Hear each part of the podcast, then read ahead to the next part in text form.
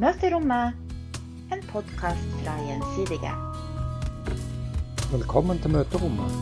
Rommet der Marie Brudevold og Line Marcelius samtaler med gjester om livet på jobb og verden utenfor.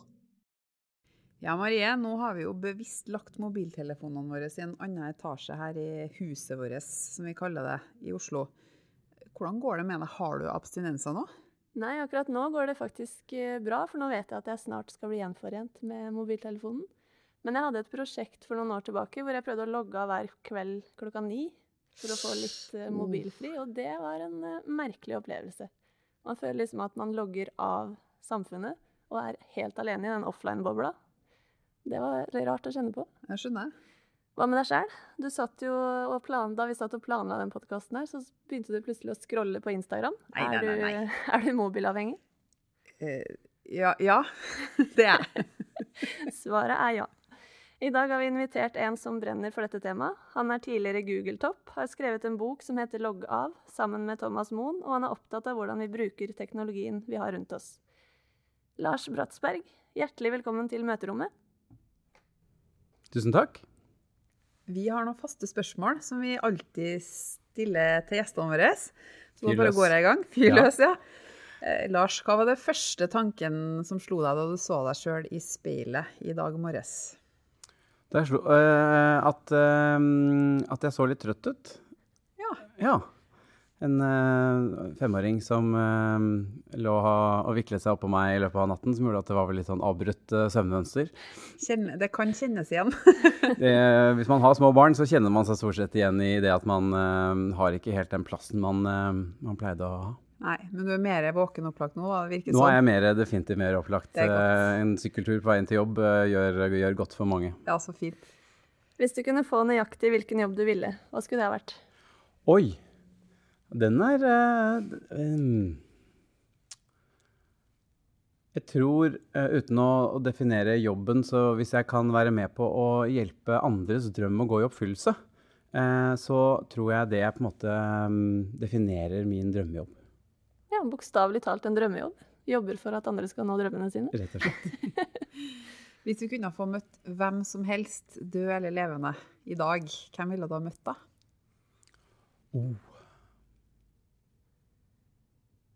Aretha Franklin. Aretha Franklin, ja. Mhm. Har du sett filmen, eller den siste?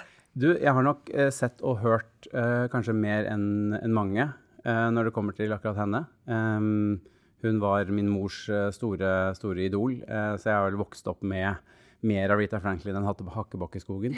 Um, så, um, og etter at hun gikk bort, så har på en måte Aretha blitt liksom en del av eh, ja, den type eh, skiver jeg gjerne setter på eh, når jeg skal ha en, ha en hyggelig kveld. Så, um, og hun sto jo for så mye mer enn bare musikken. Hun var jo på en måte en av de første kvinnene som, um, som slo seg uh, opp uh, som artist.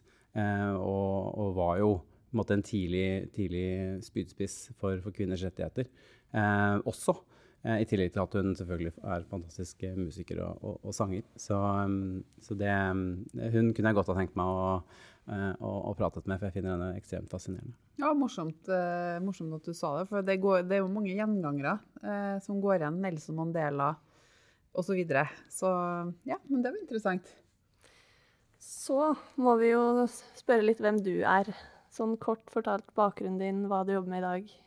Ja, ehm, så jeg har jo um, løpt på kryss og tvers av, av mediebransjen i Norge i uh, godt over 20 år. Um, og, um, og det har vært en fantastisk, eh, fantastisk reise fra gode gamle TV Norge eh, tilbake til når uh, Reisesjekken fortsatt var et, et program.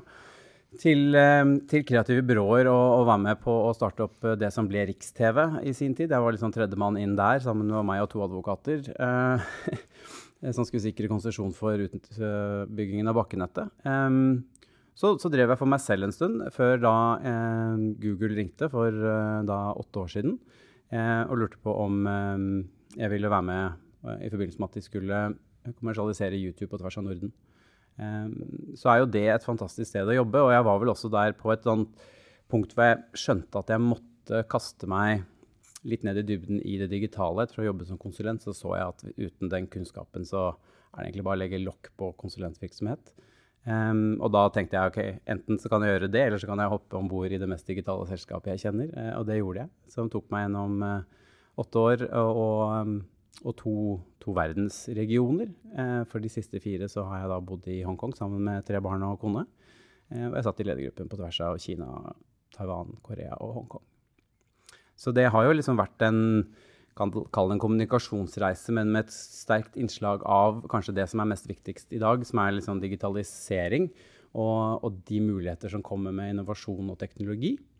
Um, som um, vel er det som er liksom den største delen av det jeg driver med per i dag.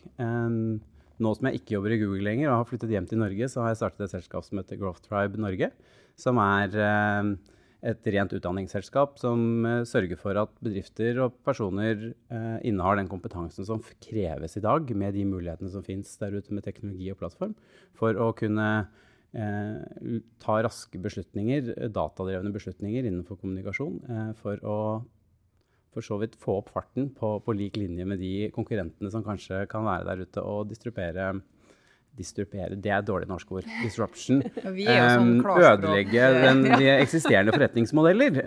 det var bra du sa. Vi har en eh, lydmann som er veldig opptatt av godt norsk. Ja. Um, så, um, for, så, så, det er liksom Så jeg har tatt med meg på en måte den digitale verktøykassa og utvidet den, og jobber nå egentlig for å, å hjelpe både personer og selskaper å, å, å ha den kunnskapen som kreves i, i det landskapet vi, vi har uh, i dag. Spennende. Du har også skrevet eh, boka 'Logg av' sammen med Thomas Moen. Det har jeg. Hva var grunnen til at den boka Hvorfor fins den boka? Hvorfor fins den boka? Du, der er det um, to gode historier. Um, Thomas uh, mistet sin sønns første mål uh, i fotball fordi han var på Twitter. Uh, jeg satt opptatt i mobiltelefonen da min på den tiden åtte år gamle datter plutselig spurte pappa elsker du mobilen din høyere enn meg. Au. Så Det var de to historiene som på en måte gjorde at vi våknet opp litt i forhold til vårt eget bruksmønster rundt spesielt mobiltelefon, men kanskje teknologi, um, i, i, samvær med andre. Um, og så hadde vi vel hver vår reise, uh, hvor vi, fordi vi traff hverandre litt som foredragsholdere og i bransjen og, og rundt om, um, begynte å utfordre hverandre litt på, på, hva vi skulle gjøre neste gang for å på en måte prøve å, å bli bedre. Um, og det var vel de to reisene som um, etter et halvt års tid um, hvor vi tok en kaffe og oppsummerte, uh, hvor vi så på hverandre og tenkte vi er nok ikke alene om dette. kanskje vi rett og slett skulle skrevet historien om til en, en, bok. Og så må jeg jo bare spørre, da, hvis du har oversikten, sånn cirka hvor mange timer om dagen er du innom et uh, en digital uh, duppedings altså på mobilen, eller har det endra seg litt siden du skrev den boka? Det har det kanskje? Eh, det har endret seg, eh, ikke til det bedre. Så jeg, vil jo si at boken nok er like aktuell nå som den var da. Um, bare det at jeg ble invitert tilbake til TV 2s nyhetskanal nå for fire måneder siden i forbindelse med at boka kom ut i andreopplag, sier vel litt om at noen føler at de bør lese om dette den dag i dag. Jeg har data. vi sjekker jo mobilen i snitt 150 ganger om dagen. I snitt. Det vil si at noen ligger under, noen ligger over. Hvis du lurer på om det tar feil, så måler de fleste mobiltelefoner denne dataen. Så den kan du finne i en eller annen del av innstillingene på telefonen din. Dessverre. Um, hvis vi gjør dette om til, uh, til, um, til år, uh, så bruker et gjennomsnittlig menneske på jorden i dag fire år av sin levetid til å se ned i den skjermen. Så det er de to måtte, harde harde faktaene. Så hvis du koker det ned, så vil det si at snittet ligger vel kanskje på rundt tre timer om dagen. Det er ganske mye, da. Hvis en tenker over eh, hvor få timer alle snakker om at de har hver dag. Det er akkurat det. Så det er jo uh, fire år av, av, av, vår gjennomsnittlige levetid, um, eller tre timer om dagen, som vi uh, for ikke så altfor lenge siden brukte på noe annet.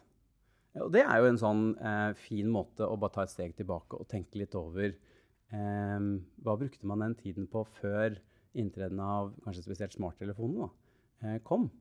Um, ikke fordi vi skal ta de tilbake. Uh, for det tenker jeg at uh, blir motsatt av at vi vil gjerne følge med i utviklingen. Men det er også noe med stilte vi oss noen spørsmål på hva vi begynte å bruke tid på. Eh, og bruker nå tid på ting som kanskje ikke er så verdifullt totalt sett, i forhold til eh, at vi kanskje bruker mindre tid sammen med andre mennesker. Eh, og det er vel litt av den eh, balansen vi prøver å beskrive i, i boka også.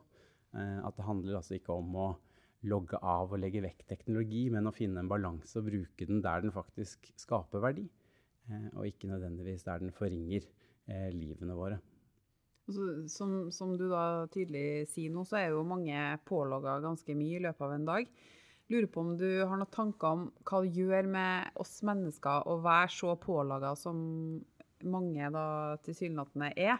Mm. Eksempel så er det jo eh, ikke ukentlig, da, men det er ofte i media så skrives det om eh, at eh, hjelpemannskaper ikke får gjort jobben sin ved ulike steder for folk som så filmer det. Og har jo sjøl sittet på en eh, Vy må jeg jo si Vybuss, jeg er jo pendler, så det mm. heter jo ikke NSB lenger, dessverre. Eh, hvor eh, bussjåføren eh, kjørte kjørt med seg et sånt eh, skilt. Eh, utrolig klønete handling, men det første som skjer, er at folk stiller seg på å filme for å dele i sosiale medier. da. Og så blir vi bare rett og slett fæle folk, alle, alle sammen. Mm. Altså, jeg føler at det på en måte er grenser for hva som er riktig og galt, eller de flytter seg kanskje mer, da. For det var jo ikke mm. sånn før, når vi hadde kontantkort og ingen mulighet til å finne noen ting. Da var jo ikke på en måte det som var det viktigste når du så ting som skjedde, da. Nei. Du, um, jeg tror all utvikling uh, og innovasjon vil alltid medføre, uh, medføre nye brukermønster. Uh, og, det vi ser i dag, er på en måte én um, ting eh, som nå har blitt muliggjort ved at vi har teknologi i, i hånden eh, og plattformer å, å dele på. Eh, og så tror jo jeg at man over tid så vil det balansere seg ut i forhold til om vi er fæle mennesker, eller eh, at noen kanskje liksom at, Eller at folk flest eh, finner ut at eh, det er kanskje ikke alt som nødvendigvis liksom bør gå rett på, på fjesboka. spørsmålet ditt hva tror vi skjer ved at vi bruker så mye tid på dette? Hvis vi liksom tar bort den mer liksom, se og hør-journalistikken, eller at alt skal um, uh, dokumenteres til enhver tid. Så eh, gjorde researchen i boka vår et funn som jeg syns er ganske eh, egentlig mer graverende enn om du filmer en bussjåfør som kjører ned et skilt. Um, og det er at vi kjeder oss ikke lenger. Um, og så er det jo, hvis du spør tenåringer i dag, så dør jo de hvis de kjeder seg. Ikke sant? Ja, 'Pappa, jeg kjeder meg så fælt. Hjelp meg.' Og så kan vi som curlingforeldre ta skylda for det. Men det er en mer liksom sånn um, psykologisk side bak det. Fordi det som skjer når du kjeder deg, altså når du fysisk ikke gjør noen ting, eller ikke tenker på noen ting, altså sitter og ser ut av et vindu f.eks., eller på en et, bussholdeplass, du som er pendler, og bare ser rett frem, ikke sant? Skummelt. Skummelt. Så eh, er det noe som heter default mode network, som er eh, en, eh, en, handling i hjernen som iverksettes.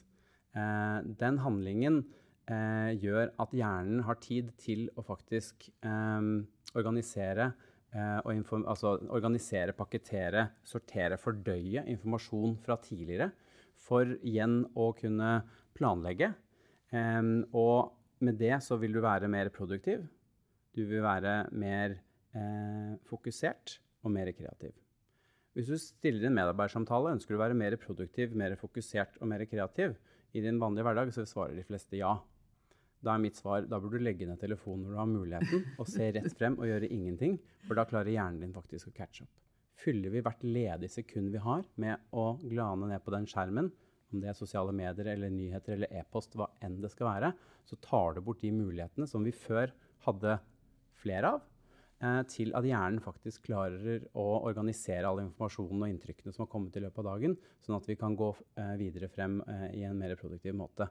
Og det mener jeg kanskje er eh, det mest graverende som skjer ved at vi fyller hvert eneste ledige sekund vi har eh, med, med skjermtid. Men tenker du også at det er en slags trygghet i å ha den der duppedingsen sånn sosialt sett. For jeg, det slår meg jo at når folk sitter alene på kafé, eller du sitter og venter på bussen, så er det nesten litt sånn det, det, er en sånn der, Jeg har noen å på en måte forholde meg til. Jeg kan ikke bare sitte og skjøte i lufta, for da tror folk jeg er gæren. Jeg husker jo Da jeg var yngre, så var jo det helt Det gjorde jo alle, for det var ingen som hadde eh, mobiltelefonene satt og tasta på hele tida. Men hvis, du- hvis, hvis du av, alle plasser kommer til Moss stasjon da, en tidlig morgen og skal ta toget inn til Oslo, så er jo sånn duknokka nakke og ned i mobilen på 99% av alle, meg inkludert, da. Er det ikke trist? Det er veldig trist. Og jeg er tenker at det er kjedsomhet, og den er litt sånn, det er sånn deilig trøst å ha et eller annet å se på. Jo, og, og, og, og um, jeg tror du liksom har rett at den har blitt um, eh, på en måte Noen definerer den som elskeren eller elskerinnen eller, eller, eller den beste vennen. Um, alt avhengig av. Um, og, jeg tror den på en måte har fått en sånn veldig stor plass i, i livene våre. Som vi på en måte venner oss til eh, hvert bidige liksom, millisekund vi, vi har ledig. Og det eh, kan jo kanskje innimellom føles godt, men det er jo egentlig hjernen som lurer oss. Eh, fordi ved alle sånne lystbetonte handlinger, eh, selv om det er trist sett utenifra, eh, så er det jo dette at hjernen skiller ut dopamin, eh, som hvis du har lyst på Du ser den favorittsjokoladen din, så skiller jo hjernen ut det middelet som gjør at du nesten både lukter og smaker den før den har, har truffet, truffet sanseorganene dine. Eh, og, det gjelder, og det gjør jo hjernen. Dette er på en måte liksom sånn, sånn det fungerer.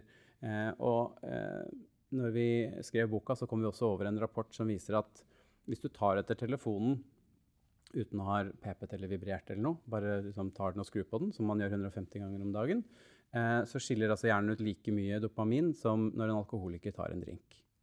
Så altså selvfølgelig, eh, telefonen er i hvert fall per i dag ikke beviselig like farlig som overbruk av alkohol, men eh, avhengigheten eh, tror jeg vi kan sette to streker under eh, at definitivt er til stede.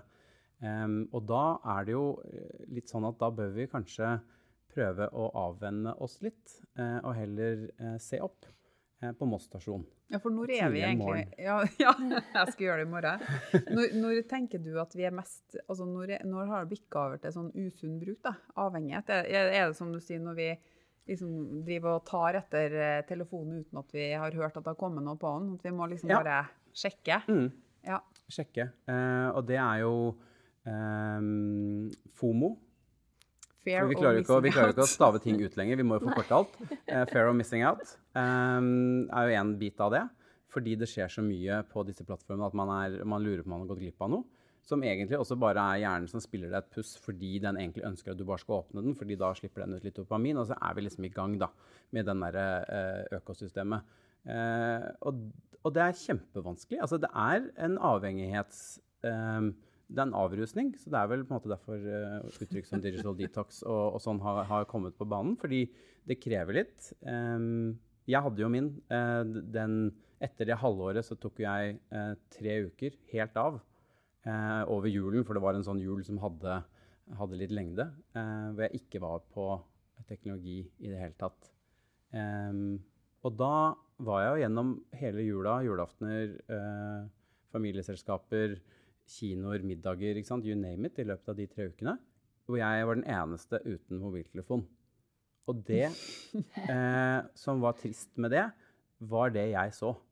De andre la ikke merke til det, men det jeg så, gjorde bare at jeg tenkte dette her skal jeg rett og slett bare slutte med. Fordi eh, det er ikke bra. Nei, for det gjør vel kanskje noe med det medmenneskelige òg. At eh, f.eks. det å bryte avtaler, da. Jeg merker sjøl at det er lettere å si nei eller å avlyse noe når jeg kan gjøre det digitalt, enn hvis jeg hadde stått ansikt til ansikt med Altså, eh, soleklart. Og, mener, det, viser jo eh, nettsamfunn generelt at eh, det er, eh, hvis du hadde bedt alle som mobber på nettet å si det face to face, så hadde ikke de mest sannsynlig 80% av de turt å gjøre det.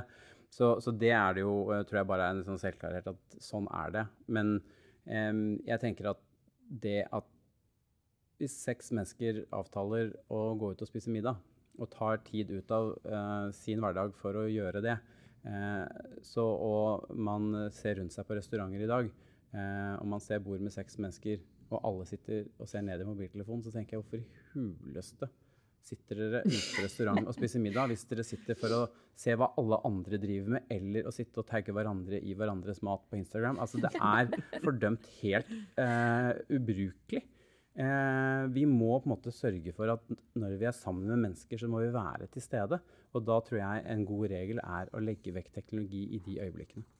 Men jeg, jeg kjenner meg veldig igjen, og så kjenner jeg meg igjen i sånn den gryende eh, oppgittheten eller håpløsheten når jeg løfter blikket sånn på stasjonen eller på toget og ser liksom at eh, det er kanskje to stykker som leser ei god gammeldags bok, mens resten sitter bare og niscroller. Og du blir ikke på en måte noe smartere på de 45 minuttene eller hva det er du sitter på toget av å lese eh, Erna Solbergs appell fire ganger om igjen. For du blir nesten litt sånn drevet av det òg. Det er Mm. siste nytt, og så er det på en måte samme siste nytt innenfor den tidsperioden. Mm. Men en ting eh, jeg og Maria snakka litt om, det er jo i lys av at møterommet-podden vår også skal handle om livet på jobb. Mm.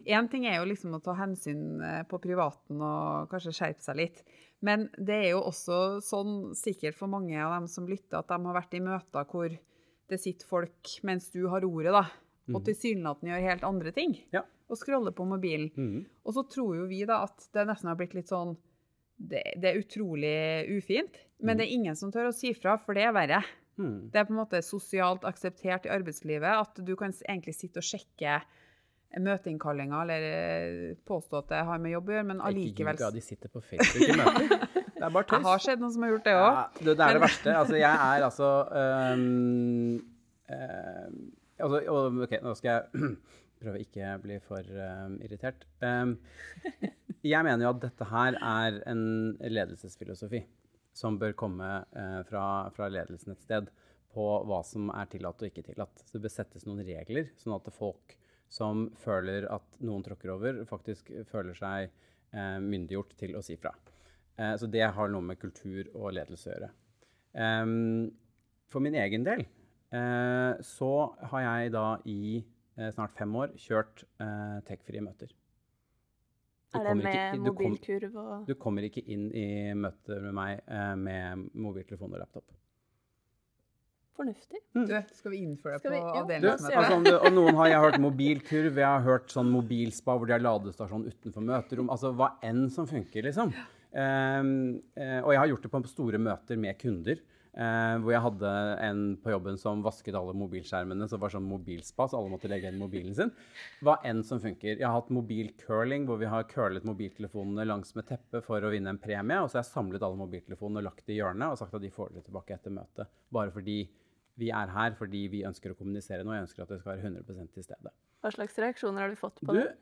ingen negative. Alle flirer litt. Eh, føler seg veldig sånn Det er et veldig godt poeng. Eh, dette skal jeg, skal jeg prøve å gjøre selv. Eh, det er altså rett og slett em, hjernen som spiller oss et puss, som gjør at jeg tror ikke folk mener å være slemme i møtene, men de bare de sklir litt ned i det, og så kommer den lysten til at de så at det kanskje det blinket eller et eller annet, og så må man bare sjekke fordi den derre fomoen kommer og, og tar deg. Em, og dette er jo elementer som er ekstremt enkle å gjøre noe med. Enten så kan man la telefonen være utenfor rommet, da er den helt fin, eller så kan hver og en eh, ta et bevisst handling når de eh, setter opp en mobiltelefon. Det tar meg 45 minutter å sette opp min mobiltelefon. Fordi jeg aksepterer ikke enhver mobiltelefon sånn som den kommer ut av esken. Den er satt opp av én grunn, og det er at mobilprodusenten ønsker å vise alle tingene den mobiltelefonen kan, på best mulig måte. Det blinker og vibrerer og piper og lyser i alle bauger og kanter. Det fungerer ikke å ha det sånn. De, du ser jo hvem som ikke har gjort noen ting. Altså, Det blinker jo foran og bak. og altså, Det er et lysshow. Det kan jo ikke, vi kan jo ikke ha det sånn, så du må gå inn og begrense dette. Og da må du på en måte skru av sånn at skjermen ikke engang lyser opp hvis det skjer noe på den telefonen. Min telefon er komplett helt død. Jeg sjekker den omtrent like ofte som alle andre. Ligger kanskje på 100, men det spiller ingen rolle. Jeg sjekker den, men da sjekker jeg den bevisst fordi jeg sjekker hva er det som har skjedd. Og da må jeg faktisk låse den helt opp og gå inn, og gå inn på e-post for å se om jeg har fått e-post. Det er altså ingenting i noen rullegardiner eller blinker eller noe som helst som sier at det har skjedd noen ting på den telefonen, fordi det er mitt valg. Um, og, og kanskje av det så sjekker jeg den også oftere fordi den sier ikke fra. Men jeg mener jo at da blir jeg heller ikke forstyrret eller lurt til å, å lene meg ned i lommen uh, når jeg sitter i et møte eller er til stede med andre. Uh, og det er selvfølgelig mitt bevisste valg, og så innrømmer jeg at jeg kanskje har over snittet høy bevissthet rundt dette. Men eh, jeg mener jo at, eh, at det med bedriftskultur eh, er eh, en ledelses ansvar å sette noen rammer eh, og myndiggjøre folk til å faktisk å si fra, fordi det er en ukultur som gjør at eh, hvis du har så mye å gjøre at du ikke har tid til å følge med, så bør du gå ut av møtet. Jeg har kastet ut folk av møter, teammedlemmer, som sitter og Jeg må svare på den e-posten og sånn, så jeg, men det er helt greit. Men da forlater du møtet, for du, har, da, du tilfører ingen verdi. Dermed så signaliserer du til alle andre i rommet at det du gjør, er greit, og det er ikke greit. Så da kan du gå. Da har vi en uh, Litt å ta, tak i. Ja, vi hadde egentlig et spørsmål om dette med arbeidskultur, da, som du allerede har svart litt på. For det gjelder jo ikke bare møter, men vi får jo sånn som i Gjensidige så har vi egen mobiltelefon med oppsatt e-post. Vi får kanskje etter hvert Jammer på mobil som sosialt nettverk. Og det er en slags, eller jeg føler i hvert fall sjøl at det er en slags forventning om at alltid skal være tilgjengelig. Mm. Om du er på ferie eller helg eller døgnet rundt. da. Kan dere vise meg den stillingsbeskrivelsen i Gjensidige som sier at dere skal være tilgjengelig 24-7, og at dere skal ha tilgang på Gmail Ja arbeidstiden? Nei, det står nok ikke, men det er sånn jeg føler litt på blir det sånn press, da. Jo, og der har du liksom noe av det som skjer med utvikling og innovasjon av teknologi. At den går så fort, og den er så fantastisk på sin måte, brukt riktig, eh, at den ta, gjør ting Den flytter grenser som egentlig ikke er definert. De bare blir oppfattet som om de flytter. Eh, så når, når selskaper med eh, god vilje gir folk fantastiske gode mobiltelefoner som et gode, og det er stas om det er iPhone eller hva det skal være, og folk liksom er happy med det. Så det gir en sånn eh, kanskje altså Man er trofast i jobben, og man er fornøyd i arbeids... der man jobber osv.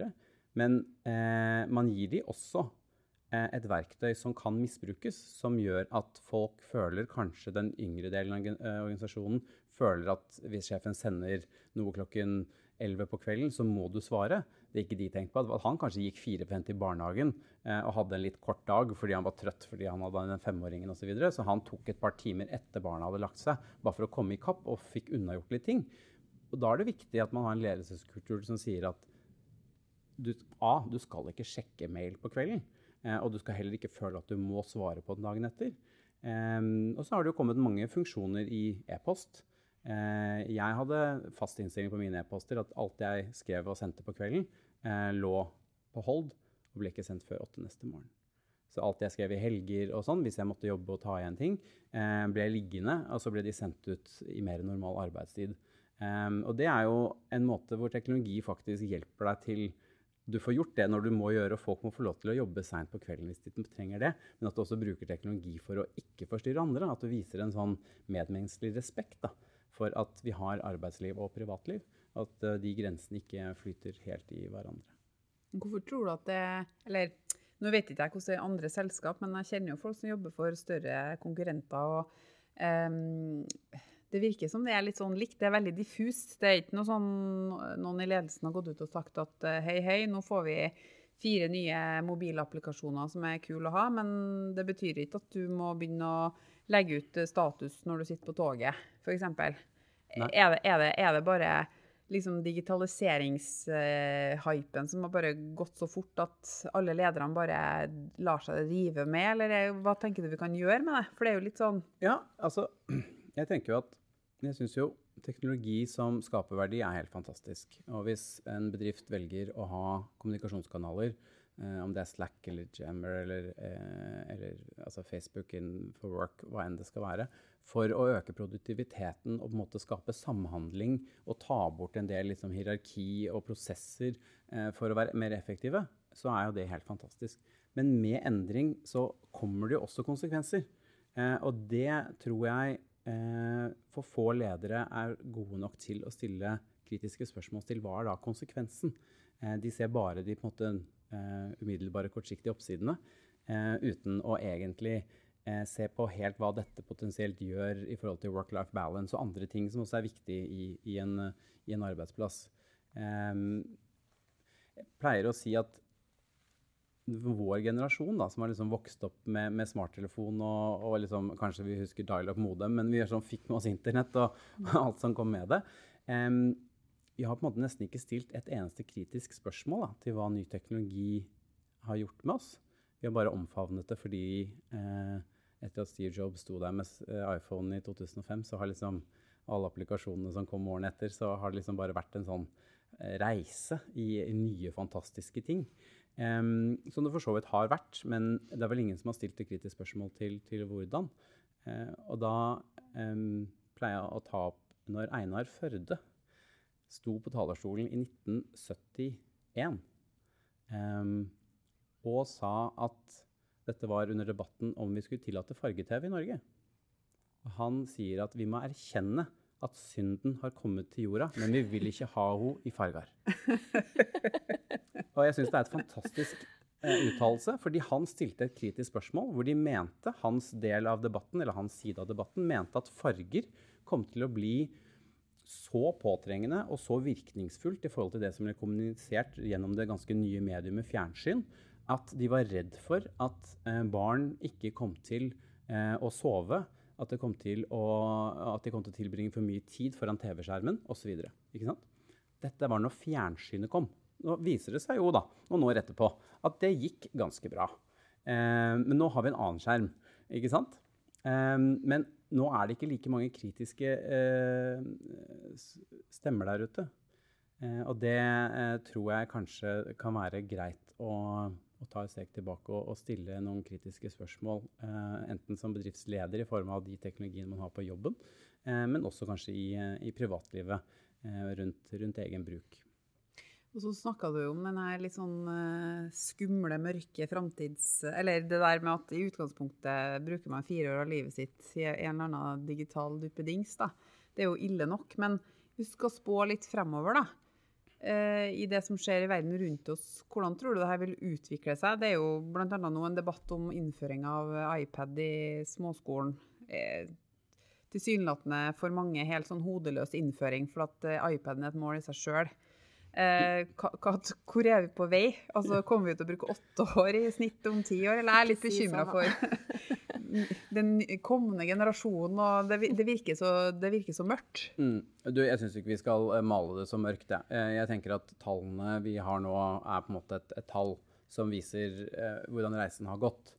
Eh, og som sier noe om at eh, en teknologi har kommet som vi bruker mye tid på. Eh, om den går opp til åtte år i forhold til liksom skjermtid, eh, fordi man også bruker eh, teknologi i, i, undervisningsøyemed og sånn, så, så, tror jeg ikke nødvendigvis det er en, en, mørk faktor. Spørsmålet er jo hvordan og når er det vi bruker teknologi?